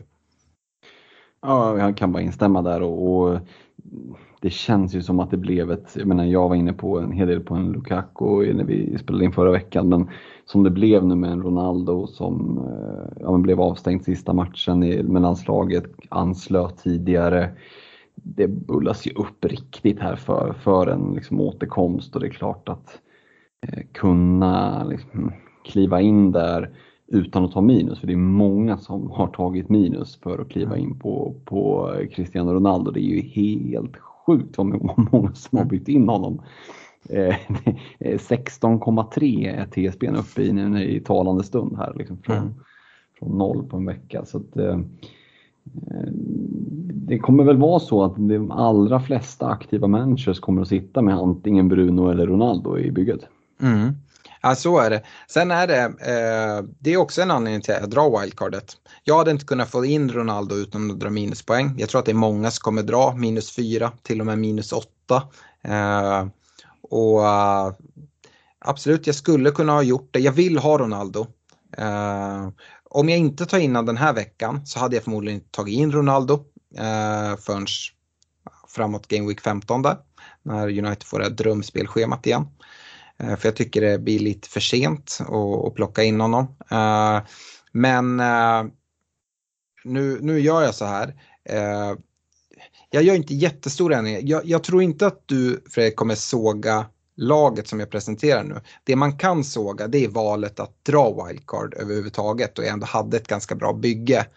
Eh, men jag tycker jag fixar lite sådana här små problem. Jag tror inte att jag kommer sitta i superkaos med mitt lag här längre fram och då så här, sitta och hoppas, ah, jag skulle ha ett wildcard, absolut. Det är alltid skönt om man skulle kunna ha ett wildcard till varje vecka och sätta in det lag man vill ha. Men jag tror inte jag kommer sitta så pass mycket i skiten och det, ni får väl klippa ut det här och spela upp det i någon podd när jag sitter där och halva laget har covid och eh, ja, bryter benen och det har gått hälsenor och, och knän och allting. Men eh, Ja, det, det är så jag känner. Och eh, ja, jag, får ett, jag får ett plus redan nu på alla som drar minus tänker jag. Eh, det är möjligt att jag kommer, kunna, kommer behöva dra minus längre fram, men det vet jag inte. Eh, och då är det de minus som jag annars hade dragit nu. Så att eh, ja, det är lite så jag har resonerat. Mm, nej men det behöver ju som sagt inte vara fel. Och Sen är det ju så att ska man dra ett, ett så pass tidigt wildcard som du gör nu, då gör man ju ändå klokt i att hålla sig ganska template och, och, och, inte spacea ut för mycket. För det är klart, då kan man ju verkligen bli sittande där längre fram med liksom ett lag som är helt ja, men uppåt väggarna. Så, så det är ju ändå klokt att gå på men, relativt säkra val och sen så de få små chansningar inom situationstecken som man, som man gör finns det ändå liksom ganska lätta vägar att fly ifrån. Eh, mm. Det är nog klokt eh, resonemang och nej det är ju svårt att såga det här. Många av spelarna sitter ju, jag är själv med i mitt bygge liksom och, och mm. dessutom blickar emot. Eh, jag sitter ju med, med, två fria byten och kommer ju att ta in en Ronaldo. Det, det finns liksom inget snack nu. Mm. Och som du säger, just att ja, men, få in Ronaldo utan minuspoäng, det gör ju liksom att men tar han 10 poäng, då tar han ju egentligen bara 6 poäng för många. Och så tar mm. han 10 för, för en annan. Så, mm. eh, det, det, där finns det ju definitivt en uppsida. Eh, så får man se hur länge man behåller honom. Eh, om man mm. vågar byta ut honom trots att spelschemat vänder. Det, jag kan ju se ett sånt scenario också där spelschemat vänder. Eh, kanske framförallt allt eh, Lukaku får bra matcher men att Ronaldo presterar så bra så att man, man tvekar lite om det är ens är mm. värt att, att ta ut honom. Jag, jag kan säga det, jag kommer inte ha några problem att plocka ut Ronaldo. Det enda som skulle göra att jag inte skulle göra det, det är om, eh, om Lukaku skadar sig eller ser dålig ut. Ehm, jag kommer inte ha liksom, sentimentala känslor eh, för att plocka ut honom. Jag, jag spelar spelschemat mer än så. Mm. Um, och det är därför jag känner jag vill ha in honom nu, så har jag en enkel väg till Lukaku till Game Week 7. Du som förmodligen inte kommer dra ett wildcard nu då, jag vet inte om du mm. har stängt dörren den dörren Robert, helt? Nej, men den, den dörren har i princip inte varit öppen för min del. Uh, du har ju länge pratat om Game Week 8. Jag, jag säger ju som sagt, jag tycker att det är ganska enkelt att lösa det uh, bara med byten. Uh, det lilla uh, spelschemaändringen som, som kommer då. Eh, men kikar fortfarande mot Game Week 8? Ja, men det är det. Eh, landslagsuppehållet är mellan 7 och 8 är det som är pinpointat, men in, långt ifrån liksom, givet. Känner jag att jag inte behöver dra det då, då kan jag nog sitta och, och hålla på det ett tag. Det kommer ju framåt 14-15 där också en liten fixture swing när både United mm. och City går in i bra spelscheman. Det behöver nog inte vara fel att sitta med det då. Mm. Vi får se, det beror också lite på hur City utvecklar sig där. Eh, för som du säger, hade jag dragit mitt wildcard nu då hade jag också gått rent på mm. City förmodligen. Kanske en Graylish men han hade förmodligen fått, fått ge vika. Um, och där kan jag ändå se att uh, 8, 9, 10 så har de ju liksom Burnley, Brighton, Crystal Palace. Och har vi mer info då där det finns någon tydlig tillgång som har, som har utkristalliserat sig till att vara liksom real deal, en eller två, då kan det vara värt att, att lasta upp där kanske. Och vi vet att Chelsea kliver över med tre stycken, sitter jag ren på idag. Mm. Ja, det, det, kan ändå finnas liksom ett case för att eh, välja att bygga om det lite. Sen sitter jag ganska, fortfarande ganska tungt lastad defensivt mm. eh, på min backlinje och där är jag lite tveksam till om jag kommer att kunna sitta ända fram till Game Week 13, 14, 15 där med så, mm. så tungt lastad i backlinjen. Jag är ju ändå inne på att jag kommer att behöva omfördela lite framåt, speciellt om jag vill kunna spela ett, ett tremannaanfall. Så det är lite där också att hur länge vågar man sitta eh, innan man liksom lägger i nästa växel? Mm. Ja, jag hör vad du säger. Eh, jag tror ju det att du tar in eh, Ronaldo nu, har du ju redan flaggat för. Där har du ju Lukaku ja. i ett jätteenkelt byte. Och du har ett tungt försvar så det är ganska lätt att få in en Chelsea-försvarare från en Eh, nu har jag inte ditt lag framför mig men du har väl både Luka Dign och en uh, Luke? Ja, ja. Cresswell, så det finns det att ja. välja på. Så det är lätt att få in en Chelsea-försvarare där. Jag gillar ju Reece James. Uh, så att jag menar att hoppa på Chelsea där till, till Game Week 7-8, det bör inte vara jättesvårt. Nej, det, det, är ju City kanske. Att, Ja, och det handlar ju mer om att det ska finnas tillräckligt med byten. Mm. Det är nog det som är, för rent liksom strukturmässigt som du säger så går det att växla upp och ner så, men det är att bytena ska, ska räcka till. Speciellt om det börjar komma lite avstängningar och skador och sådär. Eh, mm. Ja, eh, det man kan säga i alla fall, fördelen du kommer att ha det är ju att du kommer ha mer info än mig. Och framför allt för mig, det, det, det låter jättekonstigt, men den stora nackdelen jag ser med att inte ha mer info än vad jag har, det är i mitt målvaktsval. Målvaktsvalet kanske inte är liksom det viktigaste valet i, i liksom hela bygget, men där tycker jag jag sitter på för lite, för lite info för att göra ett vettigt val. Eh, jag får hoppas att Sanchez liksom får duga. Jag har inga jättehöga förhoppningar på honom heller. Så jag, liksom, fallhöjden är ganska låg. Men framförallt så är det så att det skulle kunna visa sig att någon av de andra 4,5 alternativen är mycket, mycket bättre. Och som då alla som drar ett, ett wildcard i 7-8 eh, kliver på och sen bara sitter och tar 4-5 poäng mer än mig vecka efter vecka. För oavsett så kommer jag inte prioritera det bytet. Jag känner mig själv så pass väl. Ja, och så sticker ju den målvakten i pris då, så sitter mm. du liksom 0-3 kort eller 0-2 kort mm. för att kunna, kunna gå in på honom. Det är klart att den, den risken finns, men ja. ja. Du har ju ändå satt dig i förarsätet med att du har liksom fått in en Ronaldo kostnadsfritt och du har liksom kunnat vikta om till, till eh, ett stabilt mm. eh, tremananfall med en premium. Eh, så, för det är ju inte många som sitter på på ett gratis tremananfall inför kommande Gameweek här med en premium i eh, Nej. utan att ha dragit minus. Det är du det. Nej, jag är ju inte det heller. Jag sitter ju inte med Kevin Lewin, jag sitter med Obafemi där.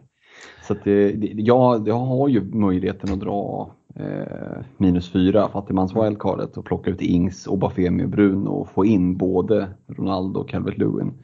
Mm. Eh, den, den dörren är inte helt stängd. Eh, och sen sätta in en en 4-5 i, i mitt, på mittfältet. Men eh, ja, jag får se. Jag får se hur jag väljer. Det beror lite på vilken, vilken vi vet, vi vet ju inte ens om Calvert Lewin kommer till start. Så är det ju. Det blir ju väldigt intressant med presskonferenser där när, när det närmar sig deadline.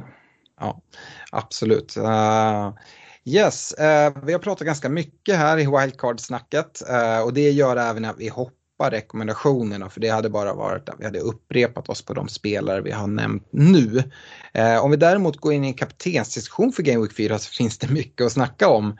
Eh, såklart Ronaldo. Vi har deadline lördag klockan 12. Det är Palace Spurs som är den tidiga matchen. Och där kan vi såklart prata kapten. Men jag känner ändå att vi måste börja med Ronaldo och United Newcastle. Ja, jag tror att många som plockar in Ronaldo kommer att vara sugna att sätta binden där också. Eh, mm.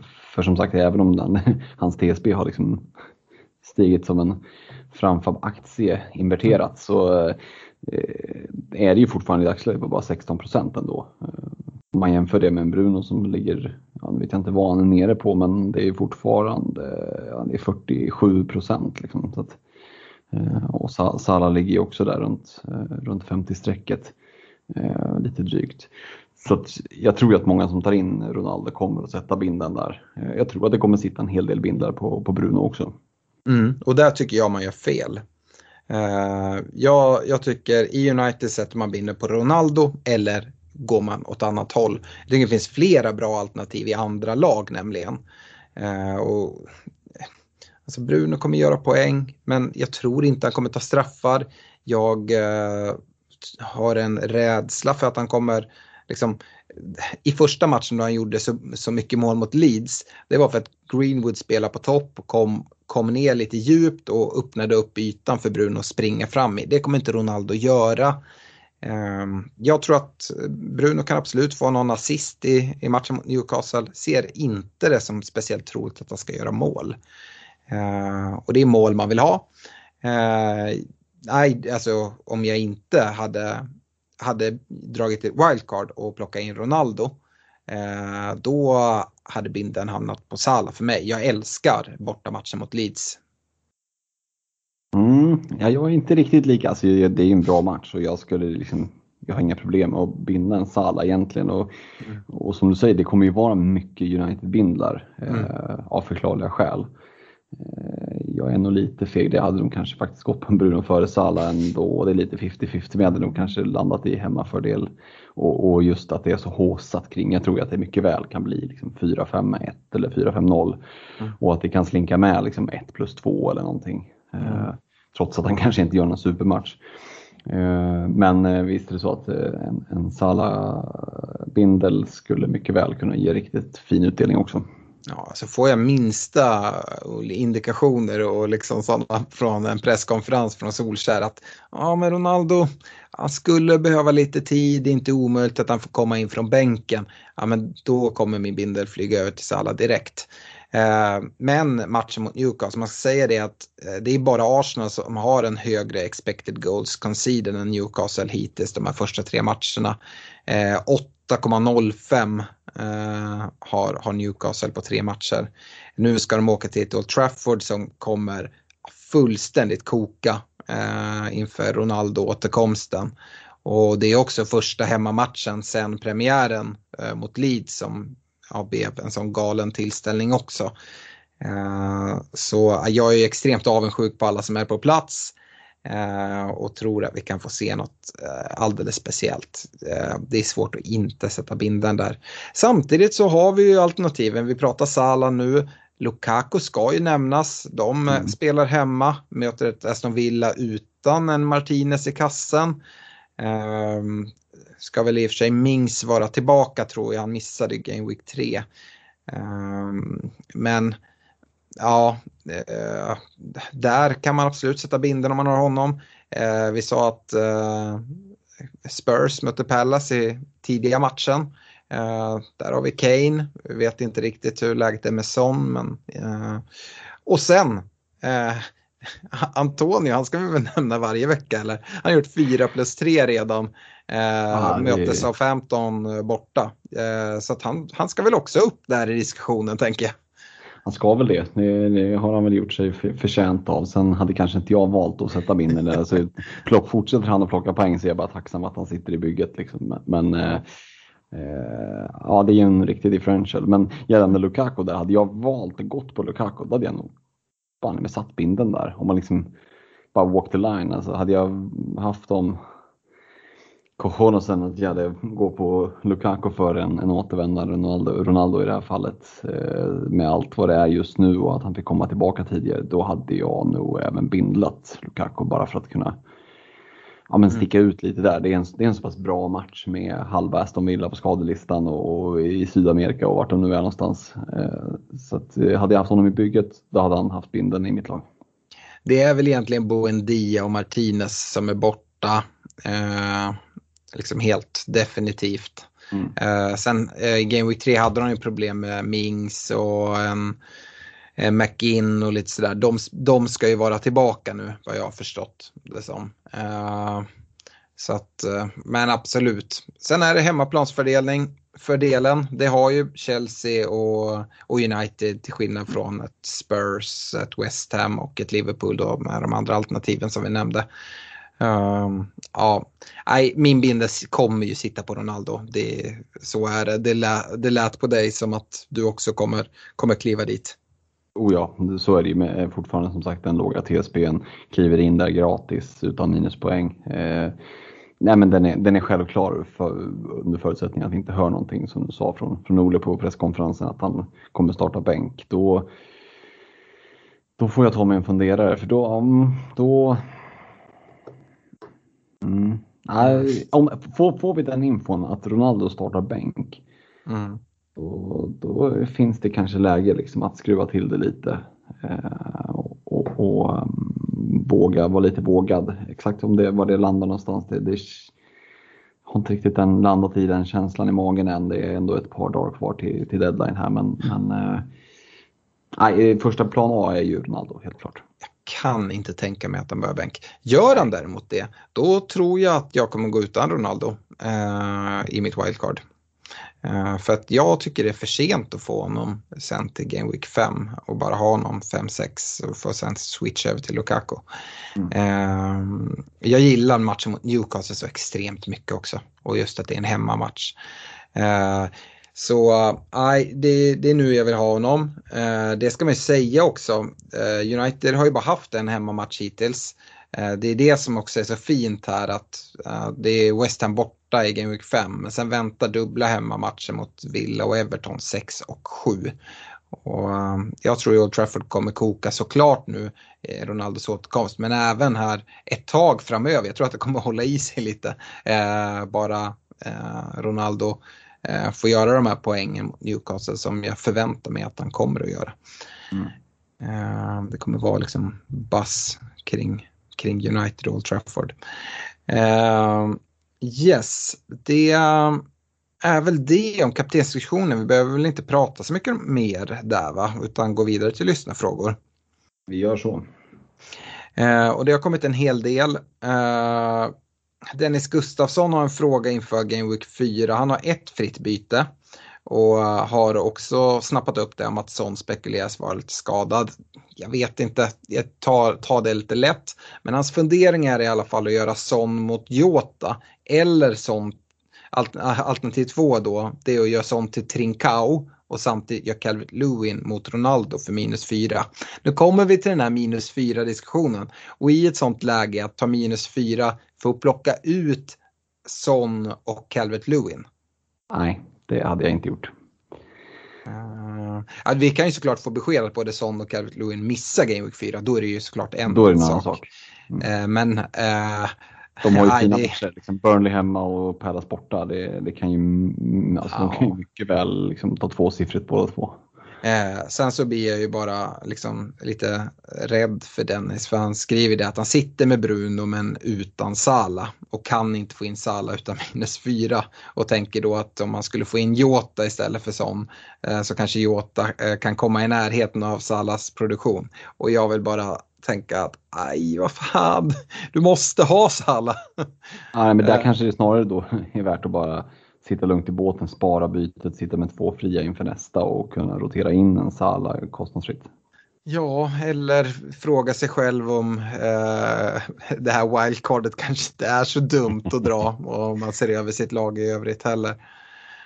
Uh, ja, eh, vi har ju pratat väldigt mycket om en trebackslinje. Martin Hulta Hultqvist undrar vad vi tror om ett 5-2-3 system. Eh, han säger att jag tror att det är väldigt få som väljer den uppställningen och det tror jag med av en anledning. Ja, och det handlar ju kanske inte framförallt om att det inte finns bra backar, för det, det gör det ju. Men ja, du sitter ju tungt. Jag sitter tungt, eh, men eh, blickar ju ändå mot att successivt, alternativt på ett wildcard där inför Game Week 8, lasta om. För nu börjar det och vi var ju inne på det när vi, när vi pratade anfallare i ditt eh, wildcard-lag där, att där vill man ju lasta tungt och det finns mycket fina midprice-alternativ på mittfältet. Så att, Ja, både du och jag resonerar som så att man vill ha Trent och då finns det liksom inte så mycket stålar över till övriga backar om man ska kunna fullfölja planen för, för mittfält och anfall. Mm.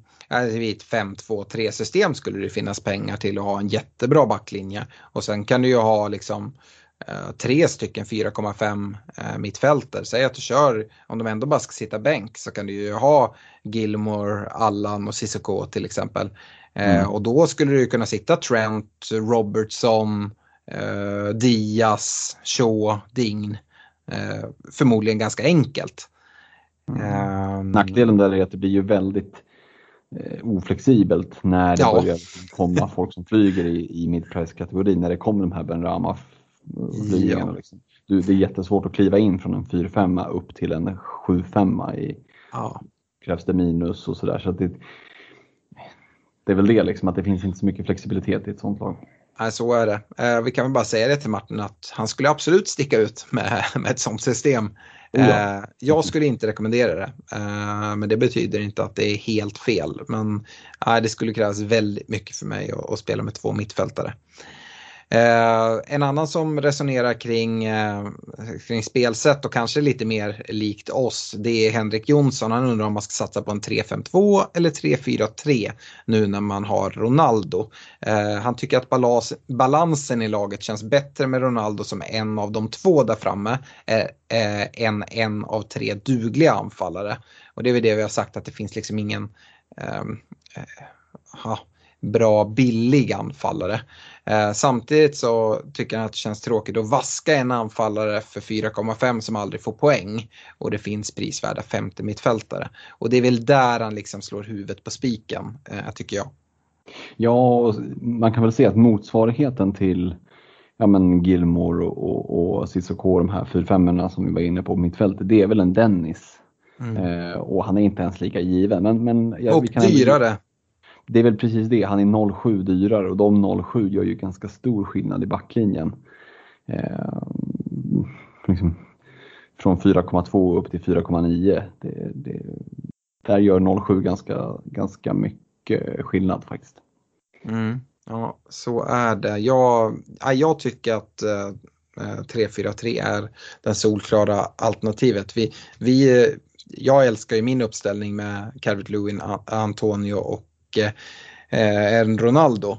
Men som vi även var inne på så finns det ju bra vägar eh, ifrån Antonio och Calvert Lewin med Jiménez och Bamford och eh, Wilson, Wilson, och grabbarna som finns där. Så att, eh, jag tycker värdet på de spelarna är, är riktigt, riktigt gött.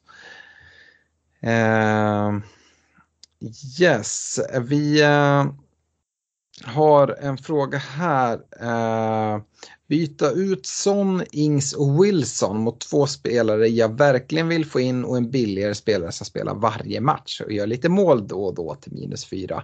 Eh, och han har till och med utvecklat det och sagt att det är alltså Torres, Ronaldo och Pukki vi pratar om. Ja, det är bra spelare han byter ut. Ja, det är ju det som är lite problemet där. Att jag kan ju tycka, ska man börja ta minus för att plocka in Ronaldo, då bör man nästan få liksom in en dubbel. Men som för min del, om jag tar minus fyra när jag tar in Ronaldo, då får jag in Calvert Lewin också. Det finns en mm. dubbel uppsida på det, så de kan, ta, de kan liksom dela på minuspoängen. Ehm, plocka ut bra spelare som har bra matcher bara för att få in Ronaldo nu. Mm, det gör fönstret för att liksom det ska vara värt det i slutändan ganska smalt. Jag hade, jag hade varit tveksam, jag vet inte vad du säger. Han gillar ju tanken på att få in Torres och den ska vi ju liksom verkligen inte snacka ner. Det är ju en spelare jag har övervägt i mitt, mitt wildcard och vi hade ett resonemang kring. Eh, så att Eh, jag tycker det är hårt att säga att det är bara för att få in Ronaldo. Han vill ju också verkligen få in Torres. Sen tror han att Pukki kan flyga och det kan jag köpa när Norwich spelschema nu vänder. Eh, problemet är ju, alltså, jag ser inget problem att byta ut Ings. Det tycker jag är verkligen är läge att göra nu med eh, spelschemaförändringen. Däremot Son och Wilson tycker jag är två bra spelare. Eh, I och för sig gulflaggade båda två så får man liksom tydliga direktiv där på att ja, men de, är, de missar Game 4. Då är det en sak. Eh, men jag tror ju att de kommer till spel båda två. Uh, och, ja. Jag vet inte, jag gillar ju inte tanken på, på de här minuspoängen och på att ta ut bra, bra spelare. Nej, den är, den är knivig. Risken är att det, att det straffar sig rejält. Liksom att de spelare du tog ut tar mer poäng än de du bytte in och så skulle du käka minus på det. Det, det blir kostsamt. Mm. Eh, Hugo Ryckert i alla fall, han eh, undrar om man kan fortsätta gå utan offensiva City-spelare fram till Game Week 8. Och sen så undrar han om det är någon idé att skippa Dign mot Chelsea eller Wolves försvarare som har ja, han kanske, som jag tolkar så sitter han med Dign, men många byter in Wolves försvarare och sen här framåt kanske Chelsea försvarare. Eh, City-frågan, ja man kan gå utan, det gör jag, men det är såklart eh, risky business alltid, men jag väljer att ta den chansen. Eh, men Dign, vad, vad säger du där? Nej, men jag sitter ju med honom själv och jag menar Burnley hemma nu i, i Game Week 4, Villa borta, Norwich hemma. Eh, ja, men, två av de nästkommande tre är ju kanonmatcher. Eh, sen har de United borta, sen kommer det dubbla hemmamatcher mot West Ham och Watford. Och, jag ser ingen anledning till att, att byta ut honom. Visst, han har sjunkit i pris, men det skulle inte förvåna mig ifall han går upp tillbaka till 5-5 efter de här tre kommande omgångarna för att han har piskat in några assist och kanske plockat någon noll också. Mm. Alltså eh, Ding hade mycket väl kunnat varit med i mitt wildcard. Han står ju mot en Luke Shaw för mig. Uh, och det är inte alls säkert att jag väljer så. Uh, just nu så ser jag liksom det här framför mig, hur glad jag sitter hemma i soffan när Shaw piskar in inlägg som Ronaldo går upp liksom en meter över försvararnas huvud och nickar in den. Uh, hur många sådana gör han? Eh, Ding kommer piska in inlägg mot en Calvert Lewin. Det kommer vara lika härligt det för mig. Eh, förutom mitt United-hjärta då. Eh, så äh, Ding, har man honom då byter man inte ut han oavsett mot Semedo eller något sånt där. Det är snarare ett wildcard-läge om man, hur, man, hur man resonerar. Då behöver man liksom ställa spelare mot varandra på ett annat sätt och i mitt fall så får han liksom inte plats om jag väljer att gå på Shaw. Nej men precis, och ska säga det om Ding också nu, TSB är nere på 13,5 procent. Så mm. det är ju, ja, det är ju någon form av semi-differential ändå att sitta på. Mm, absolut. Eh, Viktor Johansson, eh, han är inne på att vi ofta nämner eh, Gilmore som en bra 4,5 mittfältare som spelar varje match eh, och även Cissoko. Eh, jag hörde att du klämde in ett Oliver Skip, men Viktor undrar varför vi inte pratar om honom någonting. Han har gjort, gjort 3 gånger 90 och det kanske inte var jättemånga som såg det komma. Eh, och det är väl inte omöjligt att han kan fortsätta spela 90 minuter. Det kanske är nya, nya Harry Winks eh, som, som ju inte har fått spela speciellt mycket, han spelar en minut. Um, men det är väl lite mer osäkert, det är väl det det handlar om. att eh, Vi har ju varit inne på det tidigare, 4-5 ska ju sitta där på bänken och bara göra sitt. Liksom. Eh, och Skip kan mycket väl tappa sin plats. Jämför det med en, menar, en Gilmore eller en Cissoko som vi tror, eller en Bissoma för den delen, mm. Eh, som vi tror är mycket mer givna och, och plocka de där poängen vecka ut vecka in. Mm. Eh, det, väl, det handlar väl om det egentligen snarare. Mm. Ja men så, så, är det, så är det verkligen och jag tycker inte Skip är ett dåligt alternativ.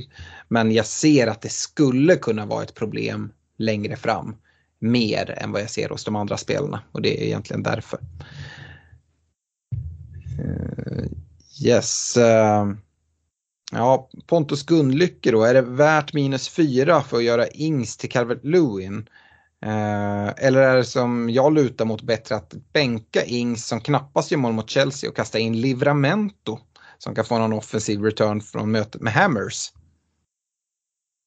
Ah, då hade jag nog banne med spelat Ings som jag hade valt att hålla honom ändå. Ser det inte som möjligt. Alltså, han är så pass bra att han kan ju göra mål mot vilket lag som helst. Ja, jag med. Jämfört med Livramento som jag tror kommer få, få släppa in bollar mot, mot Antonio och grabbarna. Eh, det, det är ju inga fel att blicka mot att plocka ut Ings, det gör ju, gör ju jag också. Men eh, sitter man i ett läge där man inser att Nej, men jag vill hellre spara bytet, jag vill inte dra massa minus. Så himla fel är det ju faktiskt inte att ha kvar honom en match till och sen spela honom. Killen har ju ändå levererat returns i, alla, i tre av tre matcher hittills så det är ju inte kattskit att sitta med. Liksom. Nej, eh, jag håller helt med. Jag, om man ställer frågan eh, om man sitter kvar med Ings, ja, men då spelar han honom för en Livramento. Det skulle jag ändå säga. Eh, jag gillar Calvert Lewin, minus fyra. Jag vet inte om jag hade gjort det. Jag hade nog suttit kvar med Ings ändå och spelat honom. Eh, ja, här, eh, Ghana Biamba Eh, Leicester, hur kommer de att agera Manchester City här i Game Week 4? Kan Vardy få mycket poäng från den matchen? Och Vardy kan väl alltid få mycket poäng men Ja, kan ju det. det, jag vet inte om det är någon jag hade pinpointat. Nej, Leicester känns ju lite som ett sånt där eh, eh, City light eh, utifrån att det är ett bra lag, många bra spelare, men det är svårt att pinpointa bra eh, fantasy-tillgångar nu med tanke på att både Madison och, och Barnes inledde risigt. Vardy ligger i någon form av prisvakuum där mittemellan liksom mid-price-anfallarna och, och premiumanfallarna. Eh, och halva backlinjen är skadad. Eh, Så att för min del känns Leicester som ett, liksom, jag håller mig borta därifrån och det kan mycket väl vara aktuellt att kliva in på både en och två spelare längre fram men inte som det ser ut just nu. Mm. Vi har fått frågor om Traoré, vi har fått frågor om Lukaku, om man kan gå utan Trent. Eh, jag tycker vi har avhandlat ganska många av de här. Eh, men Mattias Torbjörnsson, West Ham, kommer de att satsa på Premier League eller Europa undrar han. Det är ju, eh, jag satt ju med tre West Ham-spelare tidigare som jag fortsatt tycker man sitter ganska bra med och det kommer nog vara den stora skillnaden mot att dra ett wildcard eh, Eh, som jag gör nu inför Game Week 4 eller att inte dra det. För jag hade inte haft någon stress att byta ut dem om jag inte hade dragit wildcardet. Men nu när jag gör det så tycker jag det finns bättre alternativ. Så där kommer ju mycket avgöras om mitt wildcard blir lyckat eller inte. Så jag får ju hoppas att West Ham inte gör så bra ifrån sig eller i alla fall inte Sofal, Benrahma, Cresswell och, och grabbarna. Nej, men där har vi ytterligare ett lag vars matcher svänger lite där fram- efter Game Week 8. De har ju de här fyra Game Weeksen som är kvar innan Game Week 8 så är det Southampton borta, United hemma, Leeds borta, Brentford hemma. Det är ett ganska okej spelschema ändå skulle jag säga. Och efter det så är det Everton och Tottenham och Villa och Liverpool och då börjar det tjocka till sig lite. Så att, eh, och Wolves och City för den delen. Ehm, så att, ja, men jag sitter ju på dubbla med, med Cresswell och Antonio och de lär väl sitta kvar om inga baksidor ryker eh, fram till, till ett eventuellt wildcard där i, i andra landslagsuppehållet. Men då är det nog tveksamt. Det är nog, jag menar, fortsätter Antonio så här då, då ska han ju ingenstans men eh, Cresswell lever nog lite farligare då. Mm. Eh, Sebastian Bylund har några frågor. Han eh, undrar först, vem ska ut utav eh, Wilson och Ings? Och eh, jag vet inte vad du säger Fredrik, jag hade eh, tagit ut Ings om det inte är så att Wilson är eh, skadad. Jag gillar ju Wilsons matcher väldigt mycket mer än vad jag gör med Ings här kopplat till efter United-matchen. Och dessutom så får du mer pengar på att plocka ut Ings. Ja men lite så, har du lite på banken kan du gå på en Calvert Lewin, du kan annars växla ner till en ex- exempelvis och, och lösgöra lite pengar och sådär. Så att, ja, men Ings har vi ju, det har vi ju liksom vetat länge att eh, det är läge att börja blicka mot den då och växla ut honom. Och sen är det en B-fråga på den och undrar vem man då ska ta in. Och det, jag är inte helt med på den för jag, han säger så här, vem ska jag ta in av Dennis eller Jimenez? Och Dennis gör ju att han har jättemycket mer pengar och kan göra något mer och förmodligen spela en 3-5-2 då istället för en 3-4-3. Eh, men vi får liksom inget annat alternativ. Eh, så att av Dennis och Jimenez så tycker jag Jimenez. Ja, jag hade, jag hade inte lastat bort pengar från min anfallslinje som det ser ut nu utan tvärtom Nej. öst in mer. Så att, eh, och Jiménez är ju, ett, det är ju en superdifferential nu med schemat som vänder så kan ju det vara helt rätt spelare att plocka in i dagsläget. Hur, hur ser du på Jiménez? Jag tänker vi kan stanna upp här lite. Vi har inte Mm. pratat om honom supermycket. Jag ville ju ha Wolves offensiv men jag gillade ju min anfallslina som jag valde bättre. Och dessutom, jag har ändå sådana här betänkligheter kring att han har varit borta så länge och kommit tillbaka. Jag tycker inte han ser riktigt lika het ut inne i boxen som han gjorde innan. Nej, men jag håller med om att den där självklarheten finns inte. Det som ändå gör att jag tycker att han är intressant är ju att han är talismanen. Han är den där framme som, som man slår inläggen mot och, och den som ska göra målen. Och alla andra spelare runt omkring de är egentligen bara komplement till honom. Eh, Oavsett om de heter Neto eller Podens eller Trincao eller Traoré för den delen så, så är det han som ska vara superstriken längst fram. Den här talismanen som vi pratar om lite som, som Wilson är i i, i ett Newcastle. Så det gör ju ändå att jag, och han spelar ju liksom 90 vecka ut vecka in. Ehm, så, men det är klart att det, det, han är inte där han var innan eh, den här otäcka huvudskadan. Det är han ju inte, inte än i alla fall. Men, men vet nu när den här härliga streaken med, eh, med bra matcher kommer. Om, om nästa landslagsuppehåll kanske vi sitter där och säger att vi, såg det ju framför oss. Watford borta, Brentford hemma, Southampton borta, Newcastle hemma. Hur kunde vi missa det liksom? Mm. Ja. Det är ju bra matcher. Absolut. Eh, Det finns dock konkurrens om de där anfallsplatserna. Eh, Sebastian undrar också, han har kvar Mares för tillfället men undrar om man ska byta honom nu mot typ Sar eller Traoré eller behålla den här omgången för att få fria byten nästa. Det beror ju såklart lite på hur bygget ser ut men generellt sett så är jag ju en fan av att sitta två fria liksom. Eh, Och Mares är ju, ja alltså, det är ju en sån spelare som kan göra poäng mot vilket lag som helst om han får spela. Vi får han det, det vet vi inte. Eh, Men, men liksom det, risken är om man bara jagar hela tiden och gör det enstaka bytet att det, du får aldrig någon snurr på utan du, du bara jagar din, din egen svans på något vis. Då kan det vara bättre att bara sätta sig ner i båten, sitt med Mares. Men Mares är ju inget problem i bygget egentligen så. Eh, sitta en vecka och, och casha in ett byte och kunna liksom göra en, en, eh, en, en ordentlig strukturomvandling. Att gå ner Mares till en 4-5, ja men då kan du ju garanterat langa upp en av 4-5-anfallarna till, till mid-price-anfallare. Jag tror att Mares sitter på väldigt många fantasy managers shitlist. Det är en typisk sån spelare som alltid gör poäng när man byter ut honom. Ja. Eh, och då är det ju bättre att byta ut honom som ett singelbyte när man sitter med två fria än att göra det i ett sånt här läge. Eh, jag hade inte gjort det bytet. Eh, avslutningsvis så får vi en fråga från vår eh, käre norrman Allan Wetterhus som har ställt lite frågor tidigare. Han undrar om man ska gå för Gray eller Gallagher i Crystal Palace istället för Bruno. Han ska nämligen göra Wilson till Cristiano.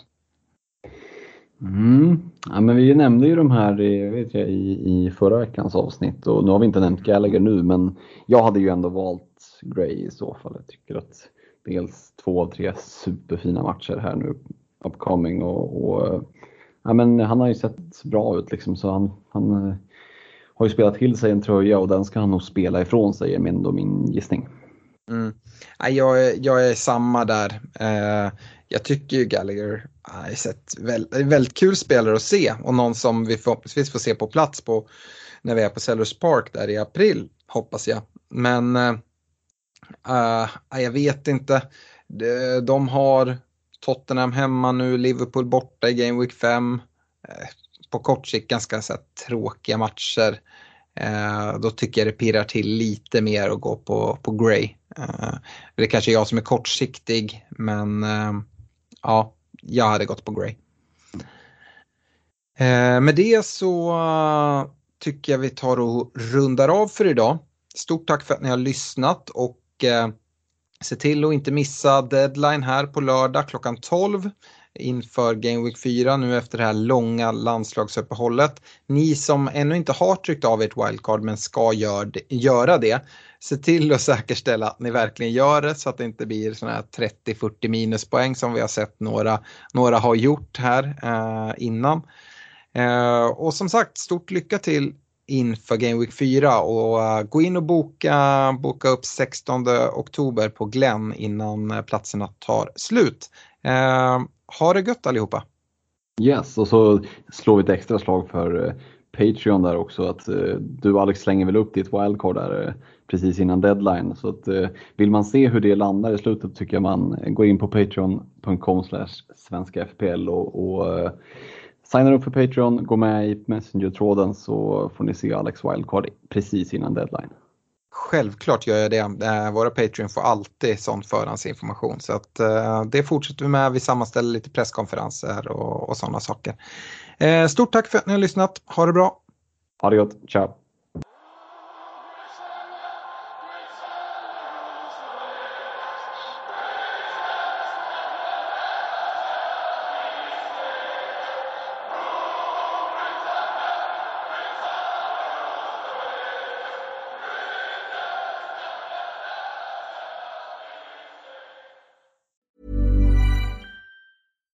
Deserves the best, and there's no better place to shop for Mother's Day than Whole Foods Market. They're your destination for unbeatable savings, from premium gifts to show-stopping flowers and irresistible desserts. Start by saving 33% with Prime on all body care and candles. Then get a 15-stem bunch of tulips for just $9.99 each with Prime. Round out Mom's menu with festive rosé, irresistible berry chantilly cake, and more special treats. Come celebrate Mother's Day at Whole Foods Market.